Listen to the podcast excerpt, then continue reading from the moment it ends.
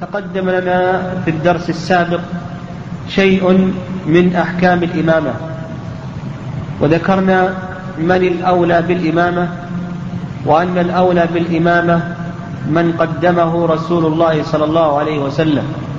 ففي حديث أبي مسعود البدري أن النبي صلى الله عليه وسلم قال يؤم القوم أقرأهم لكتاب الله فالأولى بالإمامة هو الأقرأ.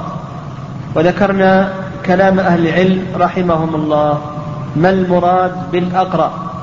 وأن أهل العلم اختلفوا في ذلك على رأيين. الرأي الأول أن المراد بالأقرأ هو هو الأكثر حفظا. وقيل بأن المراد بالأقرأ هو الذي يجيد القراءة بحيث لا يلحن ويخرج الحروف من مخارجها يأتي بالقراءة ولا يلحن فيها ويراعي قواعد اللغة العربية ويخرج الحروف من مخارجها إلى آخره. ثم بعد ذلك قال النبي صلى الله عليه وسلم فإن كانوا في القراءة سواء فأعلمهم بالسنة. وتكلمنا ما المراد بذلك وأن المراد بذلك هو الأكثر فقها فيما يتعلق بأحكام الصلاة. ثم بعد ذلك أقدمهم هجرة. ثم بعد ذلك أقدمهم سلما برواية سنا إلى آخره وتكلمنا عن هذه المراتب كلها. وكذلك أيضا تكلمنا عن حكم إمامة المحدث وذكرنا أقسامها وأيضا عن حكم إمامة من عليه نجاسة في ثوبه أو بدنه أو أو بقعته. وتكلمنا عن أقسام هذه المسألة.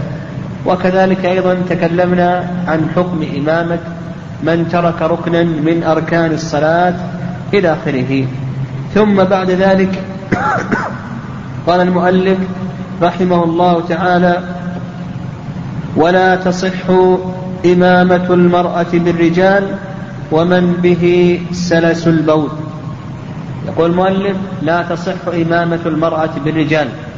وهذا ما عليه جماهير أهل العلم رحمهم الله. ودليل ذلك حديث أبي بكرة رضي الله تعالى عنه أن النبي صلى الله عليه وسلم قال ما أفلح قوم ولوا أمرهم امرأة. وأيضا حديث أبي هريرة في صحيح مسلم أن النبي صلى الله عليه وسلم قال خير صفوف الرجال أولها وشرها آخرها وخير صفوف النساء آخرها وشرها أولها. وإذا كانت المرأة إمامة فإن صفها سيكون هو الأول وقد حكم عليه النبي صلى الله عليه وسلم بالشرية. فإذا كان كذلك فإنها لا تتقدم لأنها إذا تقدمت فقد حكم النبي عليه الصلاة والسلام بالشرية. وهذا القول هو الصواب وإن كان ورد عن بعض أهل العلم ما يخالف ذلك. وورد عن الإمام أحمد رحمه الله أنه تصح إمامة المرأة في التراويح. وهذا تصح إمامة المرأة في التراويح وهذا إذا كان المأمومون من محارمها. قال ومن به سلس بول ومن به سلس البول. من به سلس البول أو سلس الريح أو سلس الغائط يعني من حدثه دائم لفرضه. استمرار خروج الحدث منه. يقول المؤلف رحمه الله لا تصح إمامته إلا بمثله. فالذي به سلس بول لا يصح أن يكون إماما للصحيح. فلا يكون إماما إلا لمن به سلس بول. والعلة في ذلك قالوا لأنه أخل بشرط من شروط صحة الصلاة وهي الطهارة. والرأي الثاني أن من به سلس بول تصح إمامته لعموم قول النبي صلى الله عليه وسلم يؤم القوم أقرأهم لكتاب الله. وهذا يدخل فيه من به سلس بول فإذا كان هو الأقرأ فإنه يقدم. وأيضا حديث أبي سعيد أن النبي صلى الله عليه وسلم قال إذا كانوا ثلاثة فليؤمهم أحدهم وأحقهم بالإمامة أقرأهم. ويدخل في ذلك من به سلس بول إلى آخره. وأما قولهم بأنه أخل بشرط من شروط صحة الصلاة وهي الطهارة. نقول هذا غير مسلم فهو لم يقل بشرط لأن خروج هذا الحدث قد عفى عنه الشارع. ولهذا تصح صلاته مع خروج هذا الحدث فهذا الحدث قد عفى عنه الشارع. فالصواب صحة إمامته. قال والأمي الذي لا يحسن الفاتحة أو يقل بحرف منها. أيضا الأمي الأمي في اللغة هو الذي لا يكتب ولا يقرأ. وأما في اصطلاح الفقهاء رحمهم الله فالأمي يشتمل على أمور. الأمر الأول من لا يحسن الفاتحة يعني لا يحفظ الفاتحة. فهذا أمي. هذا أمي وإن كان من أعلم الناس في غير الفاتحة. يقول بأنه أمي الذي لا يحفظ الفاتحة هذا لا تصح إمامته. الأمر الثاني الأمر الثاني الذي يدغم حرفا بحرف لا يقاربه ولا يماثله فهذا أمي. نقول ويسميه العلماء رحمهم الله بالأرت الذي يدغم حرفا بحرف آخر لا يماثله ولا يقاربه فهذا أمي. مثال ذلك لو أدغم حرف الهاء بحرف الراء.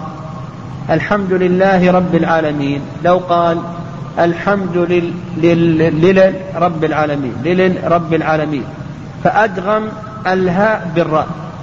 فهنا أدغم حرفا بآخر لا يماثله ولا يقاربه. هذا أمي. لا تصح إمامته.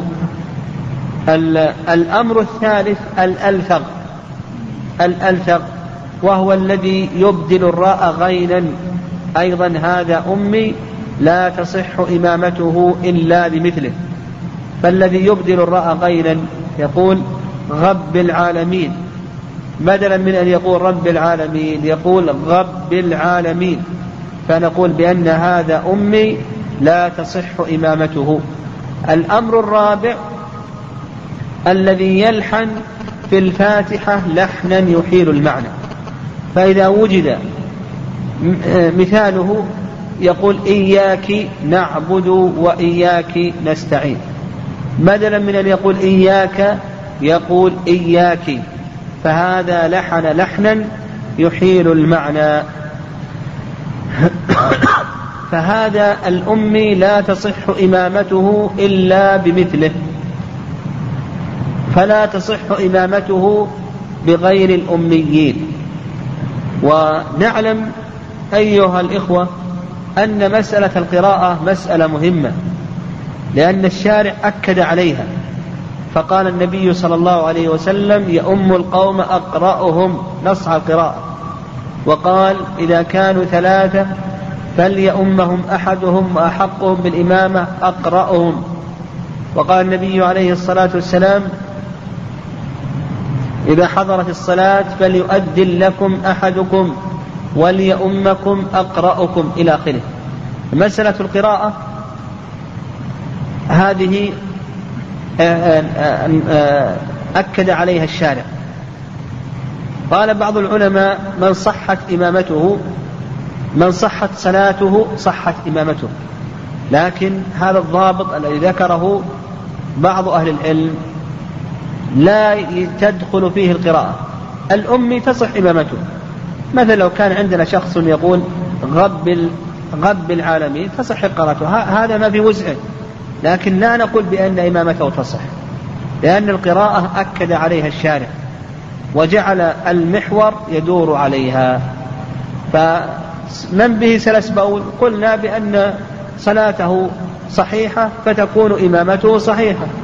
لكن الأمي لا نقول بأن صلاته صحيحة فتكون إمامته صحيحة. لأنك إذا تأملت النصوص الشرعية تجد أن الشارع أكد على مسألة القراءة. واعتبرها واشترطها إلى آخره. وحينئذ نقول هذا الأمي لا تصح إمامته إلا بمثله إلا برجل أمي مثله. قال قال رحمه الله ويجوز ائتمام المتوضئ بالمتيمم.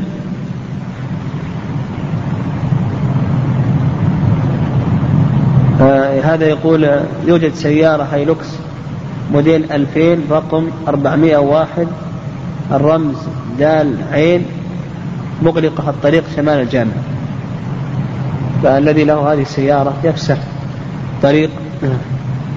آه يقول المؤلف رحمه الله ويجوز ائتمام المتوضئ بالمتيمم لأن التيمم عبادة شرعية والتيمم كالوضوء تماما كما سبق لنا. رافع للحدث يرفع الحدث على الصحيح. لكن الفرق بين التيمم وبين الوضوء أن أن الوضوء يرفع الحدث رفعا مطلقا. وأما التيمم فإنه يرفع الحدث إلى وجود الماء. وأيضا يدل لذلك أن عمرو بن العاص لما أصابته الجنابة تيمم وصلى بأصحابه وأخبر النبي صلى الله عليه وسلم بذلك. وأيضا يدل لذلك قول النبي صلى الله عليه وسلم في حديث أبي مسعود أم القوم أقرأهم بكتاب الله. فإذا كان الإمام متيمما والمأموم متوضئا فتصح الإمامة. قال والمفترض بالمتنفل. إذا كان الإمام متنفلا والمأموم مفترضا أيضا تصح الإمامة. ويدل لذلك فعل معاذ رضي الله تعالى عنه. فإن معاذا رضي الله تعالى عنه كان يصلي مع النبي صلى الله عليه وسلم صلاة العشاء ثم يذهب إلى قومه فيصلي بهم تلك الصلاة. وفي سنن البيهقي أن النبي صلى الله عليه وسلم قال هي له تطوع ولهم نافلة. هي له تطوع ولهم نافلة. وحديث معاذ رضي الله تعالى عنه الذي رواه جابر هذا في الصحيحين. أن معاذا كان يصلي مع النبي صلى الله عليه وسلم ثم يذهب إلى قومه فيصلي بهم. فإذا كان الإمام متنفلا والمأموم مفترضا صحت الإمامة. واعلم اعلم أن اختلاف النية بين صلاة الإمام وصلاة المأموم هذا لا يضر. هذا لا يضر. فالمأموم يصلي نافلة والإمام يصلي فريضة أو العكس الإمام يصلي فريضة والمأموم يصلي نافلة. هذا لا يضر. أو هذا يصلي العصر وهذا يصلي الظهر أو هذا يصلي التراويح وهذا يصلي العشاء إلى آخره. يقول هذا كله لا يضر. أو هذا يصلي مؤدات وهذا يصلي مقضية إلى آخره. لا يضر. لا يضر إلا إذا كان الاختلاف في الأفعال وكان هذا الاختلاف كثيرا. كان هذا الاختلاف كثيرا. وحينئذ نقول إذا اختلفت صلاة المأموم عن صلاة الإمام إذا اختلفت صلاة المأموم عن صلاة الإمام فلذلك ثلاثة أقسام. فلذلك ثلاثة أقسام. القسم الأول أن تتفق العبادتان أو نقول أن تتفق الصلاتان في الأفعال. أن تتفق الصلاتان في الأفعال. فهنا لا يضر اختلاف النية ولا يضر اختلاف الاسم. ما دام أن الصلاتين اتفقتا في الأفعال. فمثلا هذا يصلي العشاء. لأنه مسافر ركعتين خلف من يصلي التراويح ركعتين. نقول صحيحة الأفعال هنا واحدة. هذا يصلي الظهر والإمام يصلي العصر. نقول هذا صحيح. لأن الأفعال واحدة. أيضا هذا يصلي الظهر أداء. وهذا يصلي ظهر الأمس. قضاء. نقول هذا أيضا صحيح. فالقسم الأول إذا اختلفت الأفعال إذا اتفقت الأفعال بين الصلاتين فلا يضر اختلاف الاسم أو اختلاف النية. فإذا نوى المأموم صلاة ونوى الإمام صلاة أو اختلف اسم الصلاتين فاسم صلاة الإمام يختلف. عن اسم صلاة المأموم نقول بأن هذا لا يضر. القسم الثاني أن تختلف الصلاتان في الأفعال لكن هذا الاختلاف اختلاف يسير. هذا الاختلاف اختلاف يسير. فنقول أيضا هذا لا يضر. هذا أيضا نقول بأنه لا يضر. مثال ذلك هذا رجل يصلي العشاء أربع ركعات وهذا رجل يصلي المغرب ثلاث ركعات. هنا اختلفت في الأفعال الاختلاف هنا يسير. فالذي يصلي المغرب يصلي ثلاث ركعات ثم يجلس وهو بالخيار إن شاء أن ينتظر الإمام وإن شاء أن يسلم وإن انتظر الإمام فهو أحسن. أيضا مثال آخر. الإمام يصلي العيدين والمأموم يصلي الفجر. هنا اختلفت في الأفعال لكن هذا الاختلاف اختلاف يسير لأن صلاة العيدين كصلاة الفجر إلا أن العيدين فيهما ماذا؟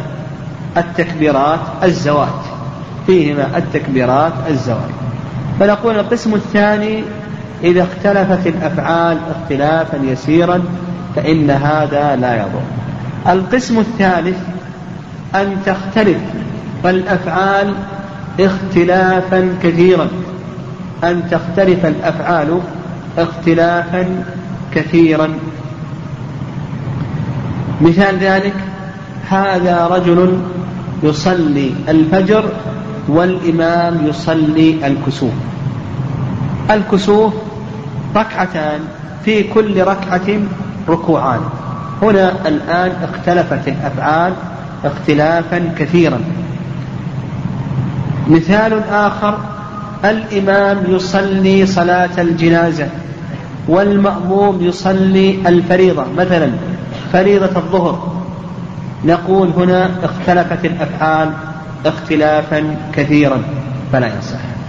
فأصبح إذا اختلفت صلاة الإمام أو صلاة المأموم أن هذه المسألة لها ثلاث أقسام. القسم الأول أن تتفق في الأفعال فيصح سواء اتفق في النية أو اختلف اتفق في الاسم أو اختلف إلى آخره. القسم الثاني أن تختلف الصلاتان في الأفعال اختلافا يسيرا فنقول أيضا هذا لا يضر.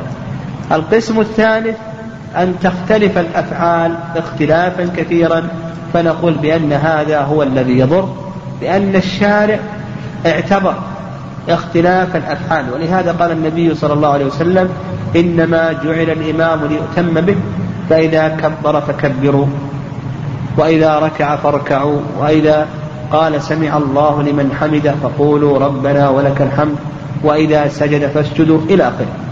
فاعتبر الشارع اختلاف الأفعال.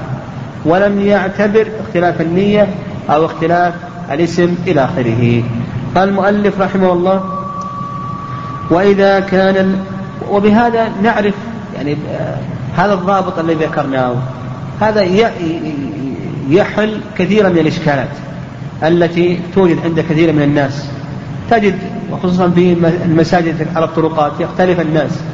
هذا يصلي وهذا لا يصلي. أو يسأل عن صلاة هذا إلى آخره. أنت إذا دخلت المسجد ووجدت جماعة يصلون صلي معهم. سواء كان يصلي المغرب أو يصلي العشاء أو يصلي الظهر كون كون آه، آه، المأموم يختلف عن الإمام في النية أو في اسم الصلاة هذا لا يضر. أو يختلف عن الإمام ولا اختلاف الفعل يسير هذا نقول بأنه لا يضر.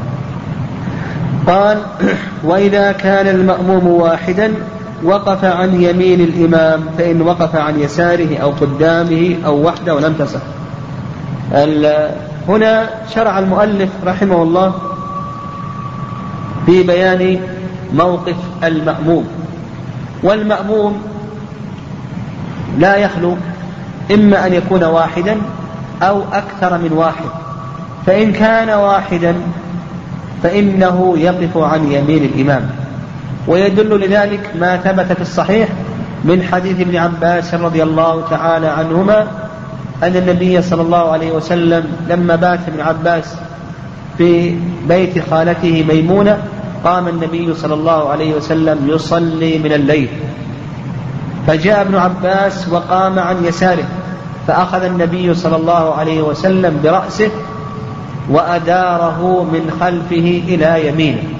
فإذا كان المأموم واحدا فالسنة أن يقف عن يمين الإمام لكن لو وقف عن يسار الإمام ويمين الإمام خالي فهل تصح صلاة المأموم أو لا تصح صلاة المأموم؟ قال المؤلف رحمه الله فإن وقف عن يساره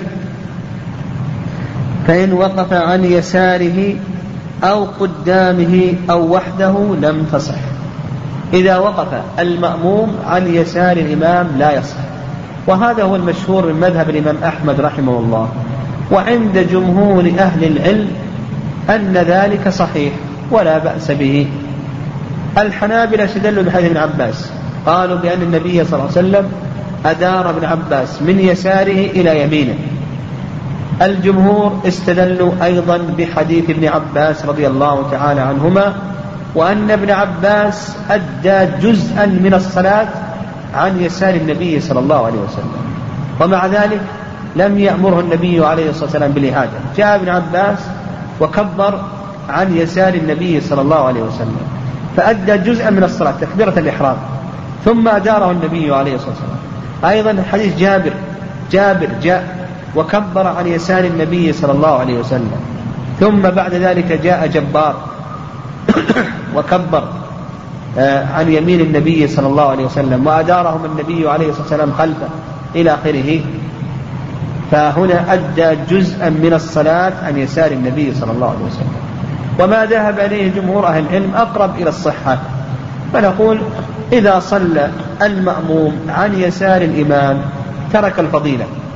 والسنة وصلاته صحيحة. قال أو قدامه إذا صلى المأموم قدام الإمام فإنها لا تصح صلاته. وهذا ما عليه أكثر أهل العلم خلافا للإمام مالك. الإمام مالك رحمه الله يقول إذا صلى المأموم قدام الإمام صحت الصلاة. صحت الصلاة.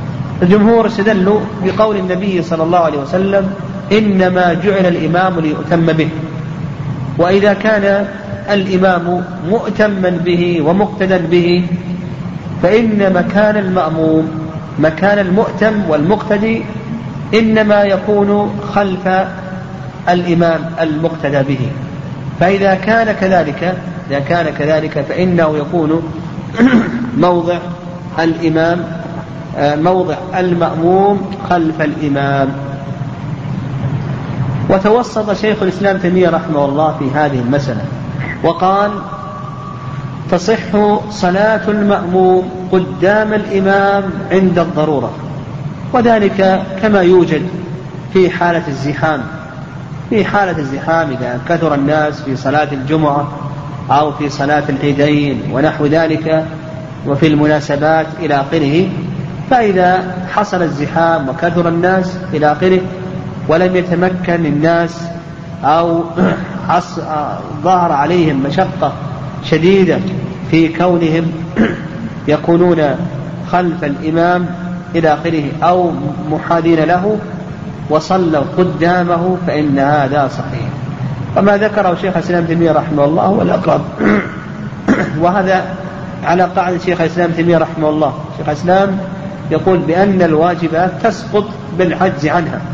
ويدل لذلك حديث عمران بن حصين رضي الله تعالى عنهما للنبي صلى الله عليه وسلم قال صل قائما فإن لم تستطع فقاعدا فإن لم تستطع فعلى جنب إلى آخره. وهذا القول هو الصواب وهو وسط بين القولين في هذه المسألة. قال أو وحده لم تصح إذا صلى منفردا خلف الصف يقول المؤلف رحمه الله لا تصح صلاته. واستدلوا بما أخرجه أبو داود في سننه من حديث وابصة ابن معبد أن النبي صلى الله عليه وسلم رأى رجلا يصلي خلف الصف فأمره أن يعيد. وأيضا حديث علي بن شيبان رضي الله تعالى عنه أن النبي صلى الله عليه وسلم قال لا صلاة لمنفرد خلف الصف. نعم لا صلاة لمنفرد خلف الصف؟ وعند جمهور أهل العلم أن الصلاة خلف الصف صحيحة. يعني لو جاء فرد وصلى خلف الصف فإن صلاته صحيحة. الحنفية والمالكية والشافعية كلهم يصححون صلاته. واستدلوا على ذلك بحديث أنس أنه قال قمت أنا واليتيم وراءه. والعجوز من خلفنا. فالعجوز صلت خلف الصف منفردة. وأيضا قالوا بأن النبي صلى الله عليه وسلم أدار ابن عباس أدار ابن عباس من يساره إلى يمينه وفي أثناء الإدارة أدى جزءا من الصلاة خلف النبي صلى الله عليه وسلم. وشيخ الإسلام تيمية رحمه الله أيضا توسط في هذه المسألة. وقال بأن المصافة واجبة لحديث وابصة وحديث علي بن شيبان رضي الله تعالى عنهما لكن تسقط بالعجز عنها. فإذا عجز عنها المأموم سقطت فإذا جاء والصف مكتمل والصف مكتمل فإنه يصف خلف الصف وتسقط عنه واجب المصافة. وهذا القول هو الصواب وهو توسط بين الرأيين. فعلى هذا نقول بأنه تجب المصافة في حديث علي بن شيبان ووابصة إلا إذا كان الإنسان لا يتمكن من ذلك لا يتمكن لكون الصف مكتمل فنقول بأنه يصلي خلف الصف وصلاته صحيحة. قال لم تصح إلى آخره. هذا إذا كان المأموم واحدا فإن موقفه كما تقدم السنة أن يكون عن يمين الإمام ولو صلى عن يسار الإمام فذكرنا أن الصواب ما عليه جمهور أهل العلم وأن صلاته صحيحة. إن كان المأموم أكثر من واحد إن كان المأموم أكثر من واحد فإنه فإن السنة أن يصلوا خلف الإمام. ولو صلوا من على يمينه ويساره فإن هذا صحيح ولا بأس به. وكان في أول الإسلام إذا كانوا ثلاثة يصف واحد عن يمين الإمام والآخر عن يسار الإمام. وابن مسعود رضي الله تعالى عنهما رضي الله تعالى عنه خفي عليه الناس. فلما فاتته الصلاة جعل علقمة عن يمينه والأسود عن يساره. لكن هذا نسخ كما في حديث ابن سعد رضي الله تعالى عنه. والسنة أن يصلي أن, أن يصلي المأمومون خلف الإمام كما أدار النبي صلى الله عليه وسلم جابرا وجبارا خلفه. قال إلا أن تكون امرأة المرأة إن كانت مع الرجال المرأة لا تخلو من أمرين إما أن تكون مع النساء أو تكون مع الرجال. فإن كانت مع الرجال فإنها تقف خلف الصف حتى ولو كان الصف غير مكتمل وحتى ولو كان الإمام محرما لها. وعلى هذا لو أن رجلا صلى بزوجته في الليل مثلا فإن السنة أن تقوم المرأة خلفه. أو فاتته الصلاة وصلى مع أهله فإن السنة أن تقوم المرأة خلفه. بقول النبي صلى الله عليه وسلم خير صفوف الرجال أولها وشرها آخرها وخير صفوف النساء آخرها وشرها أولها. وأيضا حيث أنس رضي الله تعالى عنه فإنه قال قمت أنا واليتيم وراءه والعجوز من خلفنا. ولو وقفت عن يمين الإمام صح ذلك. لكن السنة أن تقف وراء الإمام وراء الصف كما سبق في الدليل ذلك. إذا كانت المرأة مع نساء فحكمها حكم الرجل مع الرجال. إن كانت واحدة تقف عن يمينها. إن كانت واحدة تقف عن يمينها. وإن كانت أك وإن كن أكثر من واحدة فإنهن يقفن عن يمين الإمامة وعن يسارها. هذا هو الأفضل. هذا هو الأفضل. وإن كانت واحدة فإنها لا تقف خلف الصف إلا إذا كان الصف مكتملا. تجب المصافة كما أن الرجل لا يقف خلف الصف إلا إذا كان الصف مكتملا كما قلنا عن شيخ الإسلام تيمية رحمه الله. وعلى هذا نقول المرأة مع مع مع النساء كالرجل مع الرجال إلا أن إمامة النساء تقف في وسطهن لورود ذلك عن أم سلمة وعائشة كما سيأتي إن شاء الله. لكن لو وقفت المرأة خلف الصف لا تصح صلاتها. إلا إذا كان الصف مكتملا. ولو وقفت المرأة خلف المرأة نقول لا تصح صلاتها. يجب أن تقف عن يمينها. يجب أن تقف عن يمينها ولو وقفت عن يسارها. فسبق نشرنا أن وقوفها صحيح كما عليه جمهور أهل العلم لكن تركت السنة. قال إلا أن تكون امرأة فتقف وحدها خلفه وإن كانوا جماعة وقفوا خلفه.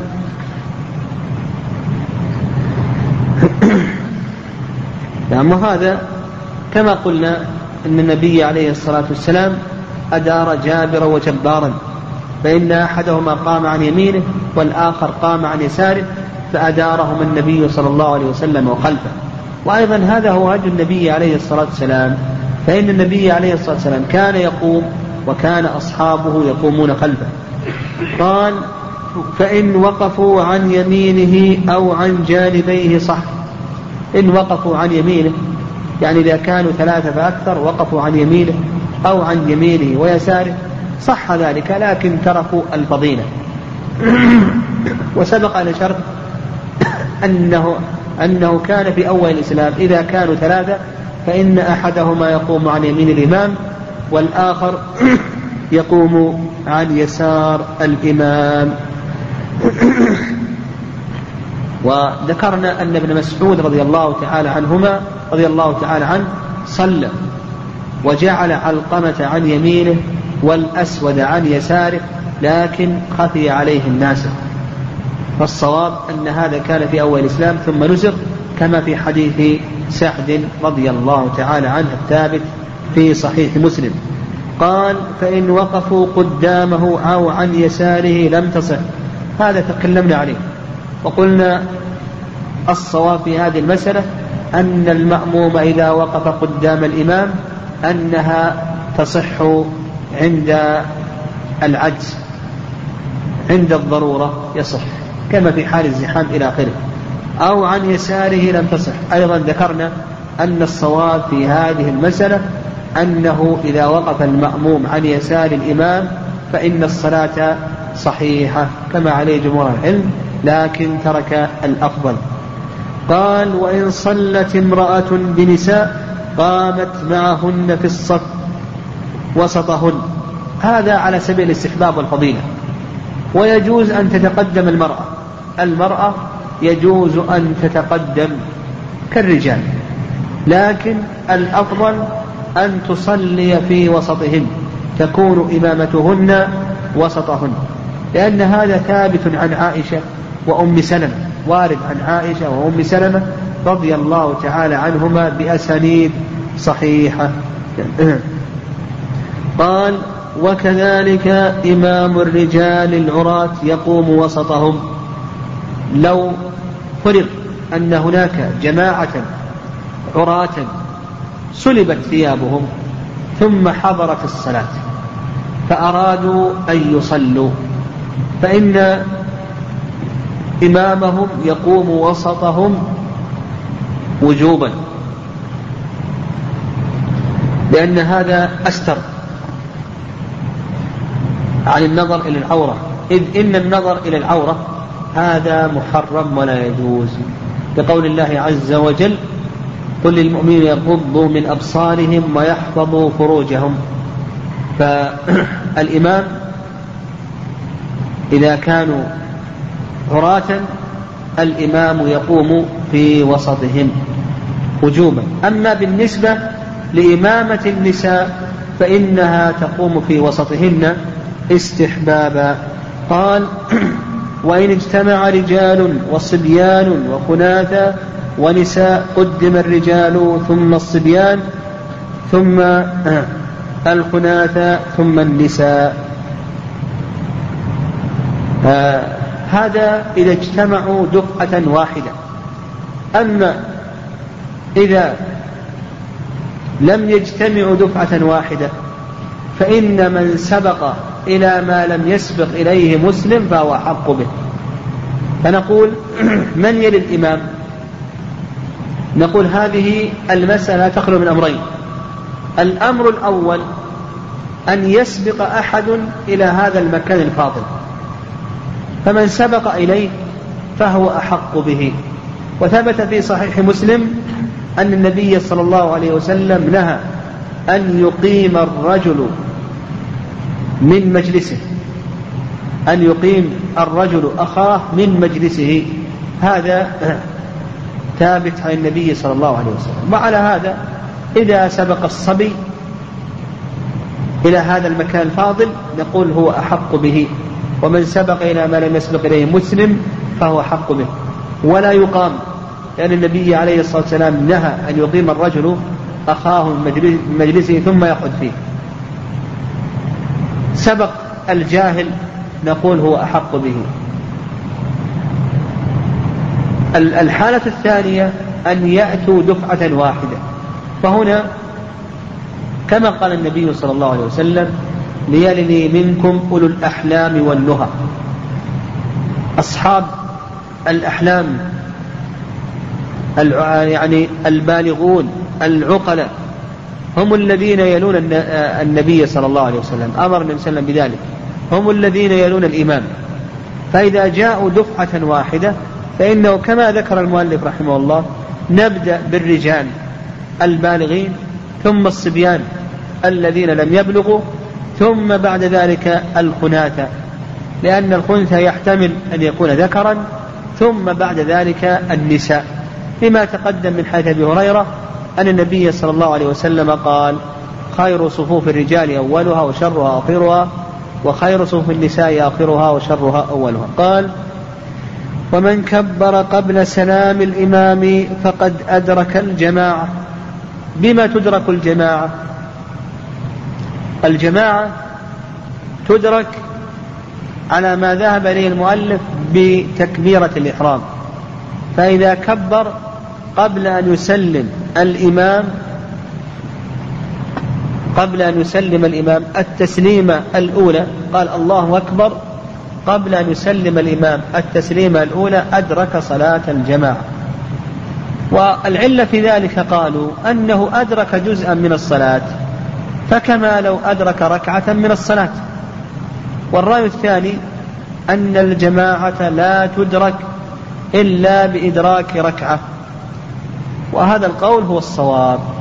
ويدل له حديث أبي هريرة في الصحيحين أن النبي صلى الله عليه وسلم قال من أدرك ركعة من الصلاة فقد أدرك الصلاة. من أدرك ركعة من الصلاة فقد أدرك الصلاة. نعم هذا هو الصواب في هذه المسألة. وعلى هذا إذا جاء الشخص والإمام قد رفع رأسه من الركوع في الركعة الأخيرة فإن كان يظن أن أحدا سيأتي فإنه لا يدخل مع الإمام لأن الجماعة قد فتت وينتظر حتى يأتي أحد فيصلي معه. وإن كان يظن أنه لن يأتي أحد فإنه يدخل مع الإمام. نعم يدخل مع الإمام. قال ومن أدرك الركوع فقد أدرك الركعة وإلا فلا. بما تدرك الركعة؟ يقول المؤلف رحمه الله بأن الركعة تدرك بإدراك الركوع. فإذا أدركت الركوع مع الإمام جئت وركعت مع الإمام فقد أدركت الركعة. وهذا ما عليه جمهور أهل العلم رحمهم الله. واستدلوا على ذلك استدلوا على ذلك بحديث أبي بكرة رضي الله تعالى عنه. فإن أبا بكرة جاء والنبي صلى الله عليه وسلم راكع فركع دون الصف ثم دخل بعد ذلك في الصف. فقال النبي صلى الله عليه وسلم زادك الله حرصا ولا تعد. وإنما فعل أبو بكر رضي الله تعالى عنه ذلك لكي يدرك الركعة لكي يدرك الركعة. نعم وقد ورد أيضا في حديث أبي هريرة في سنن أبي داود أن النبي صلى الله عليه وسلم قال ومن أدرك الركوع فقد أدرك الركعة. الرأي الثاني ذهب إليه ابن حزم وغيره من أهل العلم قالوا بأنه لا يدرك الركعة بإدراك الركوع. فلو أنه ركع مع الإمام فإنه لا يكون مدركا للركعة بقول النبي صلى الله عليه وسلم. فما أدركتم فصلوا فصلوا. وما فاتكم ف نعم ف... نعم. فاقضوا فما أدركتم فصلوا وما فاتكم فاقضوا. فالنبي عليه الصلاة والسلام أمر بالقضاء. وهذا الرجل فاته ركن من أركان الصلاة فيجب عليه أن يقضيه. فاتته قراءة الفاتحة. والنبي عليه الصلاة والسلام يقول لا صلاة لمن لم يقرأ فاتحة الكتاب. والقيام لها. وقد قال النبي صلى الله عليه الصلاة والسلام وما فاتكم فاقضوا. فإذا كان كذلك فإنه يجب عليه أن يقضي هذا الذي فاته وحينئذ لا يكون مدركا لا يكون مدركا للركعة بأمره بقضاء ما فاته. ومما فاته هذا الركن فيجب عليه يجب عليه أن يقضيه.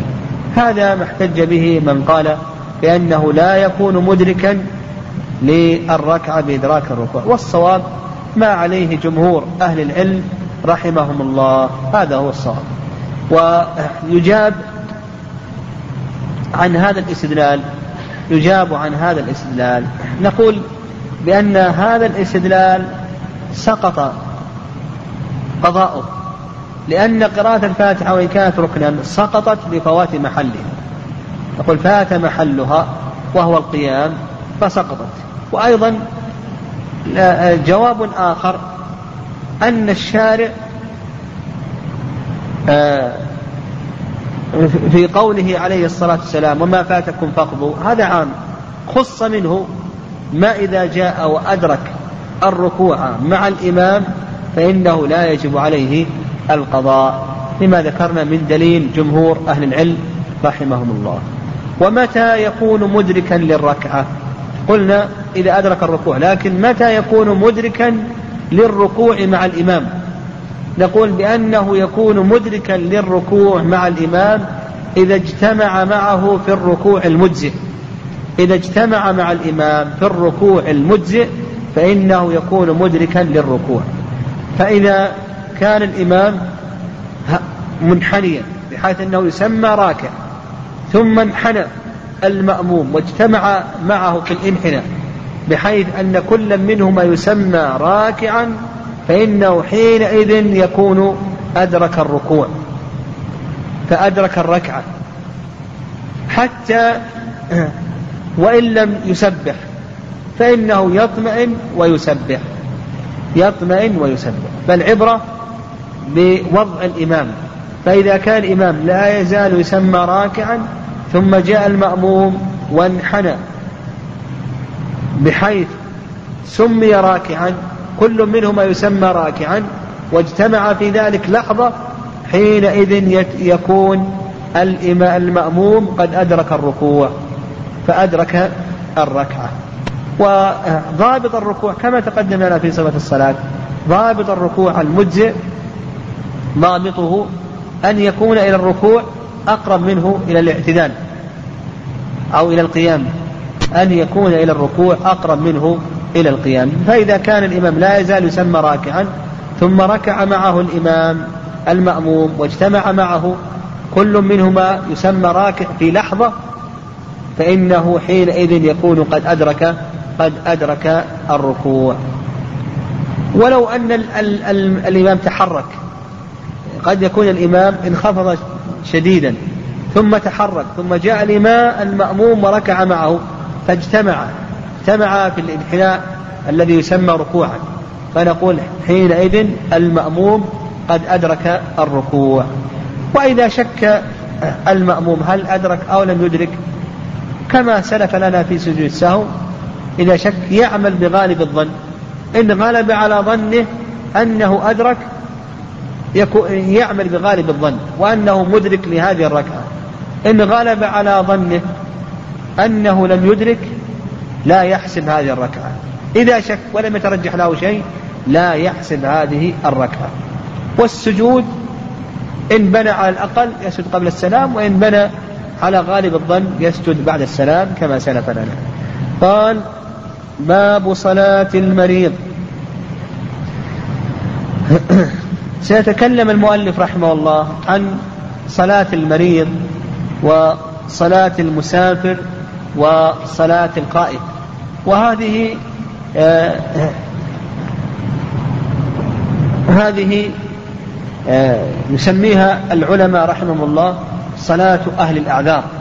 فغير المؤلف غير المؤلف يترجم بباب صلاة أهل الأعذار ثم بعد ذلك يتكلم عن صلاة المريض وصلاة المسافر وصلاة الخائف. قال باب صلاة المريض. المريض في اللغة هو السقم وأما في الاصطلاح فهو اعتلال الصحة. في الاصطلاح اعتلال في الاصطلاح اعتلال الصحة. والمريض تجب عليه الصلاة ما دام عقله باقيا كغيره كغيره كالصحيح تماما. فالصلاة لا تسقط أبدا. ما دام أن العقل ما دام أن العقل باق المريض له أو لصلاته أحوال. نقول المريض لصلاته أحوال. الحالة الأولى أن يصلي قائما. لأن هذا هو الأصل. ولهذا قال النبي صلى الله عليه وسلم لعمران بن حسين رضي الله تعالى عنه صل قائما. فإن لم تستطع فقاعدا فإن لم تستطع فعلى جنب. يقول يجب على المريض أن يصلي قائما. ولو كان معتمدا على عصا أو كان متكئا أو كان مستندا إلى آخره. فنقول الأصل أنه يجب عليه أن يصلي قائما ما دام أنه يستطيع لذلك. هذه الحالة الأولى. ثم بعد ذلك ينتقل للحالة الثانية. فإن لم تستطع فجالسا. ما المراد؟ بقوله عليه الصلاة والسلام فإن لم تستطع. يقول يراد بها أمران. الأمر الأول ألا يستطيع بالكلية يعجز بالكلية. الأمر الثاني أن تلحقه مشقة ظاهرة. يستطيع أن يصلي قائما لكن مع المشقة الظاهرة بحيث أنه يصحبه من القلق والتعب ما يود أن يجلس. فنقول هنا يصلي جالسا. نقول ينتقل ينتقل إلى الحالة الثانية وهي نصلي جالسا في حالتين. الحالة الأولى الحالة الأولى ألا يستطيع أن يصلي قائما. فنقول صل جالسا. الحالة الثانية أن يستطيع أن يصلي جالسا قائما لكن تلحقه مشقة ظاهرة بحيث يلحقه من القلق والتعب آه، وقد يلحق زيادة مرض إلى آخره. ما يرغب أن يصلي جالسا. فنقول هنا في هذه الحالة صل جالسا. الحالة الثانية قال النبي صلى الله عليه وسلم فإن لم تستطع فقاعدا يصلي جالسا. وكيف يصلي جالس؟ يقول يصلي جالس في حال القيام يتربع. في حال القيام يتربع. والتربع هو أن يجلس. على إليته ويرد ساقه الأيمن إلى فخذه الأيمن وساقه الأيسر إلى فخذه الأيسر. وأما بالنسبة ليديه فيضعهما على صدره كحال القيام تماما ويومئ بالسجود والركوع ويكون سجوده أخفض من ركوعه آه، نعم يومئ بالركوع. السجود يسجد سجودا تاما إذا كان يستطيع. إذا كان يستطيع السجود فإنه يسجد سجودا تاما. إذا كان لا يستطيع السجود فإنه يومئ بالركوع والسجود ويكون سجوده أخفض من ركوعه. في حال قيام كما ذكرنا يصلي متربعا. فيما في النساء أن النبي عليه الصلاة والسلام صلى من الليل متربعا وهذا وإن كان في إسناده شيء يعني إلا أن أهل العلم رحمه الله استدلوا به. في غير حال قيام يجلس. ففي حال افتراش يعني كالصلاة العادية. في حال افتراش في الجلسة بين السجدتين يفترش. في التشهد الأخير في حال التورك يتورك في حال افتراش يفترش إلى آخره. المهم في غير حال قيام يصلي كهيئة الصلاة العادية فيفترش في مواضع الافتراش ويتورك في مواضع التورك. هذه الحالة الثانية. ثم بعد ذلك الحالة الثالثة قال فإن لم تستطع فعلى جنبك. تصلي على جنب إذا كان كما قلنا ينتقل إلى الجلوس.